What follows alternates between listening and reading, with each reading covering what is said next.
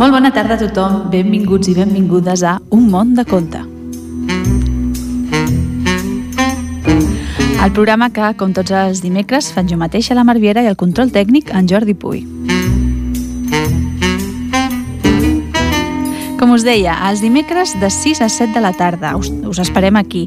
I si no podeu els dimecres, doncs teniu una segona oportunitat per escoltar el programa el dissabtes de 5 a 6.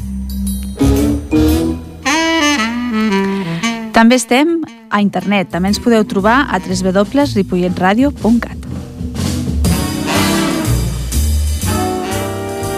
I aquest dimecres és un dimecres especial, perquè, com sabeu, doncs, aquest matí, aquest migdia, hem dit adeu a l'hivern i hem donat la benvinguda a la primavera. La primavera una estació doncs, que per alguns, per allò de les al·lèrgies i aquestes coses, doncs, pot ser una miqueta empipadora, però que bueno, és sinònim de que els dies són més llargs, de que comença a venir el bon temps i de que podem estar més temps a l'aire lliure. I, per suposat, tenim més estona per llegir històries i, i contes. I això és el que es proposo, que aquesta primavera doncs, llegim més llibres, més contes i, per suposat, que deixem volar la nostra imaginació.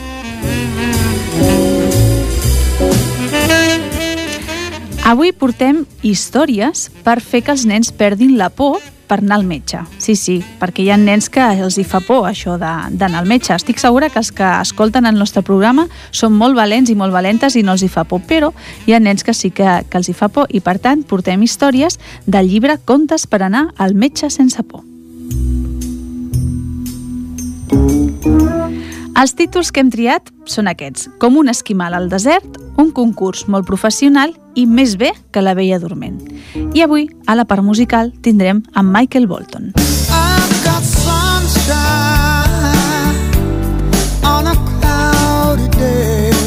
La veu del Michael Bolton, molt coneguda per fer versions d'èxits musicals i que avui estarà amb nosaltres amb aquesta veu trencada tan característica i que tots reconeixem. Doncs bé, abans de començar amb el programa, com us deia, avui us portàvem eh, contes per anar al metge sense por, per perdre aquesta por d'anar al metge. I buscant una miqueta informació i llibres que tinguessin a veure amb aquesta temàtica, n'he trobat alguns que són molt divertits i que, bueno, penso que poden ser bona idea per llegir en aquest temps que dèiem més primaveral i que dona doncs, més estones per, per gaudir de la, de la lectura. El primer llibre que us porto, així per recomanar-vos, és un que es diu Achís. Sí, sí, com quan estornudes, doncs així, Achís. És un llibre de l'editorial Everest i eh, té unes il·lustracions molt maques i, un, i el text és en vers. I això doncs, fa que la, que la lectura com que és rimada, sigui més amena i agradable.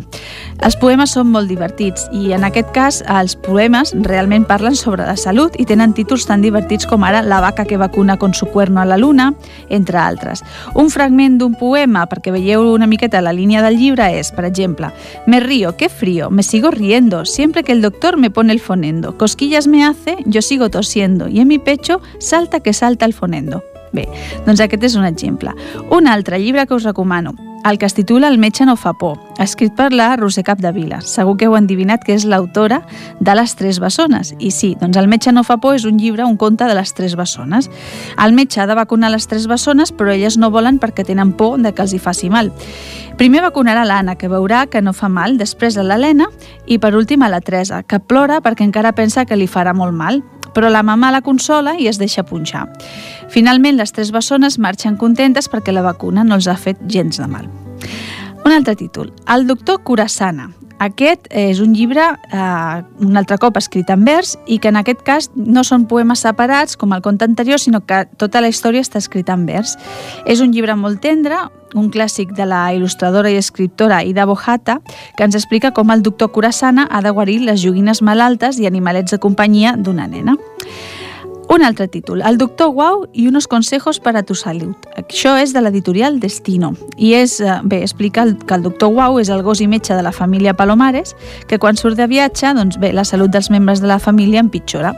I ell torna per aconsellar-los i guarir-los. És un llibre escrit en clau d'humor i que vol fomentar doncs, els hàbits saludables per prevenir problemes de salut. I el darrer llibre que us recomano és A la consulta del metge de l'editorial Barcanova, que explica la història d'en Joan i la Sica que van una mica espantats a fer la revisió mèdica i que un cop allà doncs, aniran veient que no hi havia per tant. La Sica demostrarà al seu germà Joan que la vacuna no fa gens de mal i descobreixen finalment que anar al metge pot estar bé i que fins i tot pot ser divertit. Bé, doncs espero que aquells que tinguin una miqueta de por per anar al metge amb aquests llibres doncs puguin fer que desaparegui.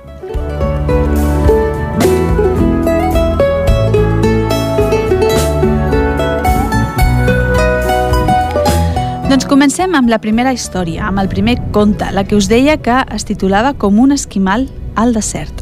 Comença així. En Mateu se sentia molt cansat i una mica marejat.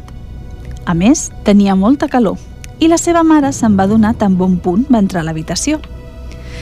No hi ha cap dubte, Mateu, va afirmar la mare, després de posar-li la mà al front. Tens febre. Febre? Què vol dir això? va preguntar en Mateu. Vol dir que no estàs bo i que t'has de quedar al llit. Avisaré a la metgessa. No, mare, no ho facis, va suplicar en Mateu. Els metges parlen d'una manera molt estranya i avorrida. Segur que m'obligarà a prendre amb algun d'aquells medicaments fastigosos que em deixen un gust horrible a la boca. Si ho fa, serà per fer-te un bé, Mateu. I recorda que la metgessa és qui sap millor per què et trobes malament i com t'ha de curar. La metgessa no va trigar gaire a arribar. La mare d'en Mateu li va explicar què li passava al seu fill i li va demanar que no fes servir, que no fes servir paraules estranyes. No es preocupi, va dir la metgessa. En Mateu m'entendrà. En Mateu es trobava tan malament que en part es va alegrar en veure la metgessa quan entrava a l'habitació. Vejam, què et passa, Mateu? li va preguntar la metgessa. Tinc molta calor. Oh, ja ho veig, va dir la metgessa, després de posar-li la mà al front. Llavors va treure un estetoscopi del maletí i es va posar a escoltar els batecs del cor d'en Mateu. Escolta, Mateu, li va preguntar l'admetgesa amb l'estetoscopi posat. Tens tanta calor com un esquimal al desert? En Mateu es va imaginar un esquimal al desert. Ell deu passar molta calor, però segur que jo en tinc més, va pensar. Més, jo tinc més calor. Tanta com un esquimal al desert menjant castanyes al caliu? El Mateu es va tornar a imaginar el mateix esquimal al desert, però ara menjant castanyes al caliu. Ui, va pensar, aquest esquimal deu tenir molta calor, gairebé tanta com jo. Més o menys, li va respondre la metgessa. La metgessa va deixar l'estetoscopi i va dir a en Mateu que aguantés el termòmetre entre el braç i la xella. Molt bé, Mateu, què més et passa? Estic marejat. A veure, tan marejat com una rata pinyada dormint de panxa en l'aire? Però si les ratapinyades dormen de cap per avall, va pensar en Mateu. Segur que es deuen marejar moltíssim si ho fan així. Malgrat tot, en Mateu pensava que ell estava pitjor. Jo estic més marejat. A veure, tan marejat com una ratapinyada dormint de panxa en l'aire en un vaixell en plena tempesta? No tant, va pensar en Mateu, encara que si intento imaginar-m'ho potser ho aconseguiré. Una mica menys, li va dir a la metgessa. Ja ho veig, Mateu, tens calor i estàs marejat. Alguna cosa més? Estic molt cansat i no tinc ganes de fer res. A veure, tan cansat com si, pogués, com si pugessis unes escales mecàniques que baixen? Encara que no ho havia fet mai, en Mateu s'imaginava que això devia cansar molt, però no tant com se'n sentia ell. Encara més cansat. Tan cansat com si pugessis a peu coix unes escales mecàniques que baixen? Suposo que sí, va pensar en Mateu. Sí, sí, així. Doncs ja sé què et passa, Mateu. Tens febre? Això ja m'ho ha dit la mare, però no sé què vol dir. És molt fàcil, jo t'ho explicaré. Uns microbis dolents i perillosos t'han entrat al cos i aquests microbis són els que fan la febre. Ells la provoquen. El cos te n'ha de defensar i per això augmentava la teva temperatura i els microbis es comencen a trobar malament. Estan tan cansats com si pugessin a peu coix unes escales mecàniques que baixen. Tenen tanta calor com un esquimal al desert menjant castanyes al caliu i es mereixen una mica menys que una ratapinyada dormint de panxa en l'aire en un vaixell en plena tempesta. Així doncs, jo em trobo malament perquè el meu cos fa fora els microbis dolents i perillosos? Exacte. I em sembla que, de mica en mica, els faràs fora tots, perquè tu ets molt fort, oi que sí? va dir la metgessa després d'agafar-li el termòmetre que li havia posat. És veritat, va pensar en Mateu, ara em trobo una mica més bé. Aquesta vegada els microbis no han aguantat gaire, va continuar la metgessa. però moltes vegades amb la febre no n'hi ha prou. Hi ha vegades que la febre no fa fora els microbis? Moltes vegades. Per això prenem medicines, Mateu. El cos necessita ajuda per fer fora els microbis i els medicaments saben com fer-ho. A més, encara que et deixin un mal gust de boca, les medicines eviten que tu ho passis tan malament com els microbis. M'has convençut. Deixaré de tenir mania als medicaments, però espero que si la propera vegada que em posi malament n'haig de prendre, també m'expliquis què em faran els microbis. És molt fàcil, Mateu, no cal que t'esperis. Imagina't la nostra ratapinyada en una muntanya russa. I en Mateu i la metgessa es van posar a riure de valent. Heal me, my.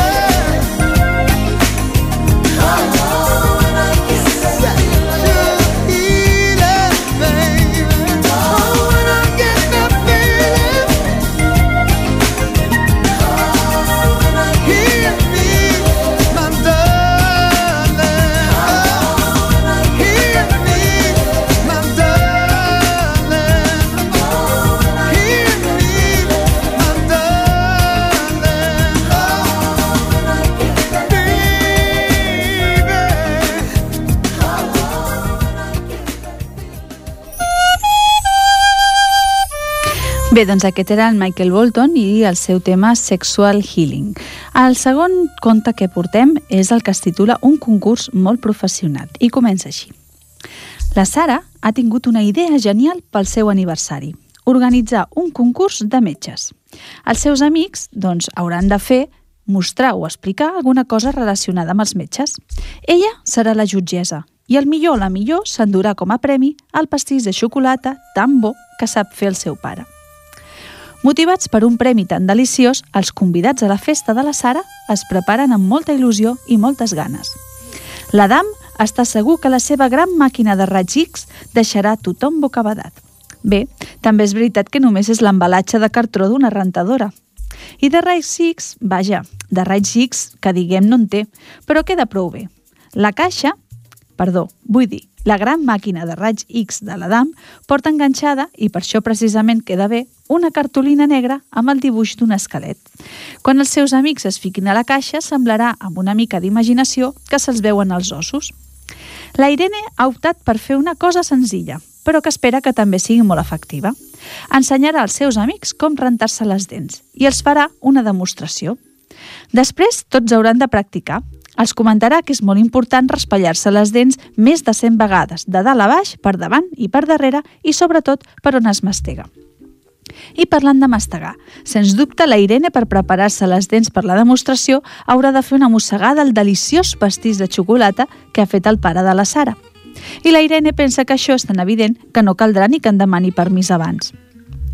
L'Hèctor està segur que quan li toqui a ell tothom obrirà bé els ulls, encara que només sigui perquè l'Hèctor revisarà la vista dels seus amics com ho fa l'oculista. En una pissarra, l'Hèctor ha dibuixat animals de mides diferents. Animals que els seus amics i alhora durs rivals hauran de reconèixer des de diverses distàncies. El més difícil de reconèixer i de trobar serà una formiga de mida natural que l'Hèctor ha posat sobre el cap d'una granota. Pel que fa en Pere, es va recordar a última hora de la competició de l'aniversari de la Sara. Sort que és molt eixerit i de seguida se li van acudir un parell d'idees. Amb un diari enrotllat escoltarà els batecs del cor de cadascun dels seus amics. Després comprovarà si són capaços de mantenir l'equilibri amb una sola cama i d'aguantar-se drets amb els ulls tancats. La Susana és al·lèrgica a la xocolata i, per tant, no vol guanyar el concurs, però sí que vol participar per explicar als seus amics què és l'al·lèrgia. El cos dels al·lèrgics no pot suportar segons quins menjars o productes químics, encara que per altres siguin normals i tan bons com ho és la xocolata. Si menges o t'acostes alguna cosa a què tens al·lèrgia, el teu cos comença a protestar. Depenent de quan protesti, i potser que et surtin grans, que tinguis febre o que et plorin els ulls, o tot això plegat, o també altres efectes. La Susana i durà cartolines amb dibuixos de coses que poden causar al·lèrgia. La Ruth surt amb una mica d'avantatge. Com que la seva mare és farmacèutica, li ha deixat una pila de capses i ampolletes de medicaments que ha buidat prèviament. La Ruth ensenyarà als seus amics els tipus de medicaments que hi ha. Píndoles, pastilles, gotes, xarops, cremes, càpsules i les que es fiquen, diguem-ne, per allà on t'asseus, els supositoris. Ja han arribat tots a la festa. Cadascun dels seus amics li ha portat un regal fantàstic, embolicat en paper de color brillant. La Sara està molt contenta, ja que no esperava rebre tants regals. Després d'obrir-los tots, la Sara va deixar-los al menjador. I sorpresa, allà hi ha el pastís de xocolata. Té un aspecte fantàstic i fa una olor boníssima. La Sara pensa que si en tastés una miqueta no tindria importància, el seu pare l'ha fet tan gros que no es notaria gens i n'hi hauria suficient per donar-ne un bon tros al guanyador i repartir la resta entre els altres participants que en volguessin prendre. És tan gros que la Sara s'adona que, després de la primera mossegada, encara en queda molt i per això n'hi clava una segona. I llavors pensa el mateix que abans, que gairebé no es nota. Després de la mossegada número 15, ha d'admetre que el pastís té la mida considerablement més reduïda, però ja és tard, no es pot aturar i com que no es pot aturar, no s'atura. Bé, sí que s'atura. S'atura quan nota que el seu estómac és un globus inflat a punt de rebentar. Però ja s'ha menjat tot el pastís de xocolata. I és en aquest moment que els pares de la Sara s'adonen del que ha passat i decideixen que cal convidar urgentment algun més al concurs de metges.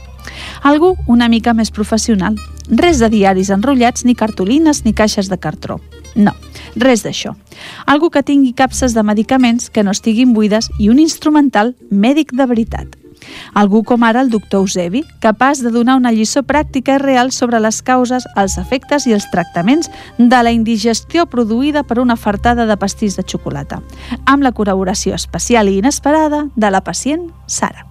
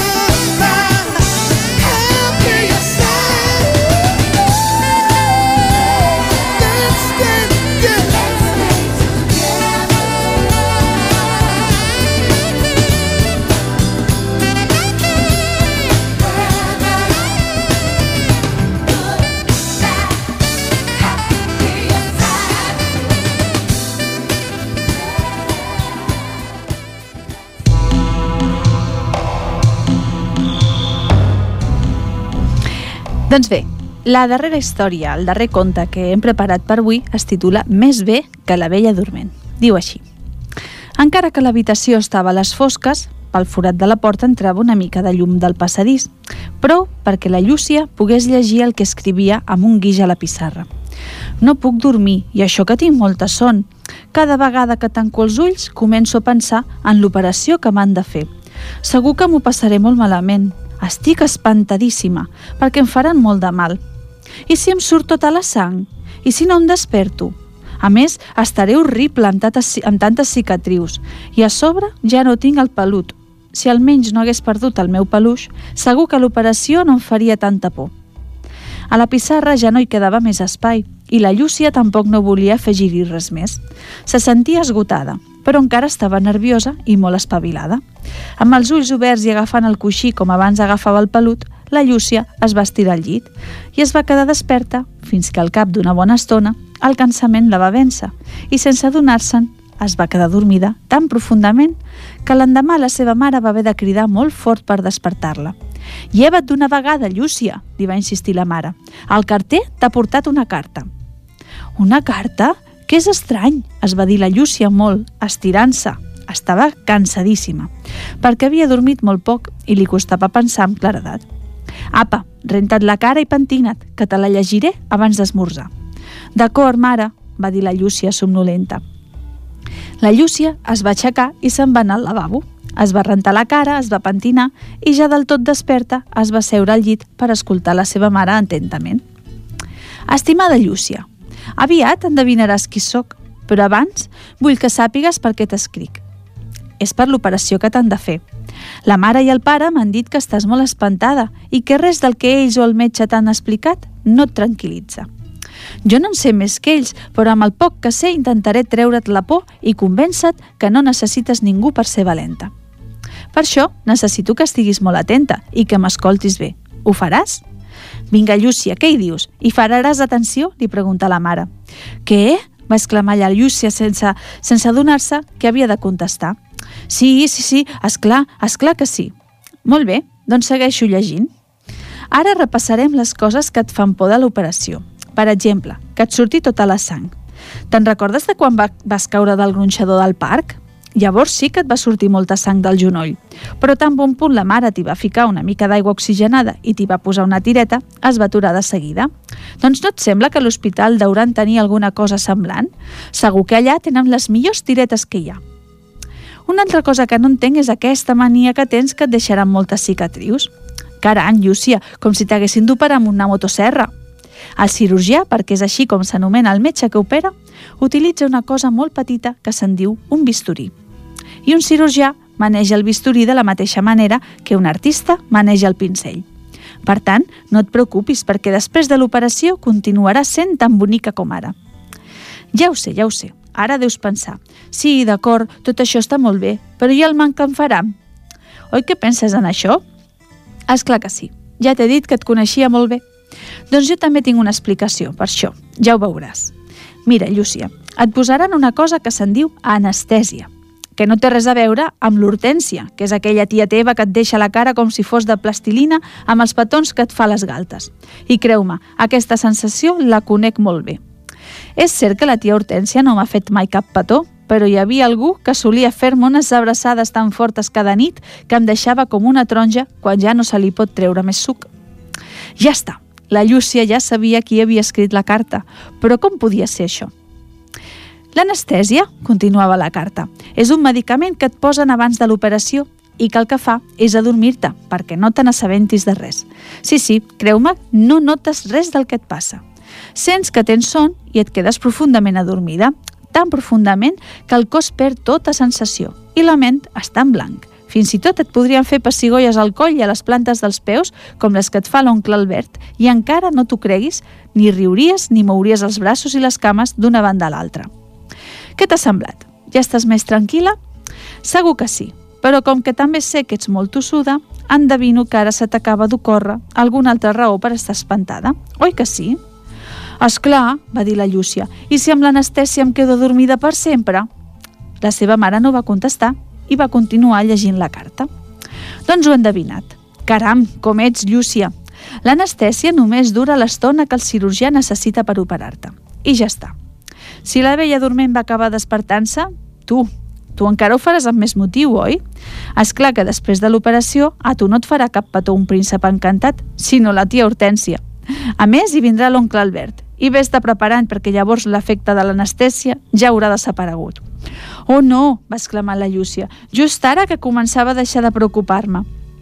Vinga, Llúcia, la va tranquil·litzar la seva mare. No n'hi ha per tant. A més, no et queixis perquè no em negaràs que gràcies al teu amic secret l'operació t'ha deixat de fer por. Sí, però ja no és secret, sé qui és, però no entenc com s'ho pot fer un peluix per escriure, i encara més si s'ha perdut. Bona pregunta. Jo tampoc no ho sé, va dir la mare, però espera't que hi ha més coses escrites. A veure qui diu. Ja saps qui sóc, i segur que també et deus preguntar on vaig aprendre a escriure. És molt fàcil, menuda. En lloc, els peluixos no podem escriure. La mare de la Llúcia va somriure. Ah, així doncs has estat tu, va dir la Llúcia. M'has enxampat, li va confessar la seva mare rient. La veritat és que ahir a la nit vaig entrar a la teva habitació per veure si estaves adormida i vaig llegir el que havies escrit a la pissarra. Llavors em vaig adonar que no t'havien explicat prou bé com seria l'operació. No hi havien donat tanta importància perquè es tracta d'una intervenció molt senzilla i no se'ns va acudir que et poguessis preocupar tant. Em vaig passar tota la nit desperta a la sala d'estar, intentant escriure alguna cosa que tu poguessis entendre, però no se m'acudia res. M'havia quedat en blanc. I vaig donar tantes voltes que em vaig anar posant cada vegada més nerviosa i vaig començar a picar la taula amb el bolígraf, fins que de sobte em va caure a terra. I quan el vaig recollir, vaig veure allò i vaig comprendre què havia, què havia de fer. Vas veure allò? Què vas veure? va preguntar la Llúcia.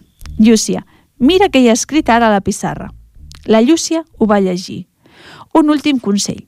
Tingues confiança. Confia, igual que confies en el braç del pare que t'aguanta quan t'ensenya a nedar, i com confies en la saviesa de la mare quan li fas tantes preguntes. I vine a fer-me una abraçada, no estic perdut, t'espero sota el sofà de la sala d'estar.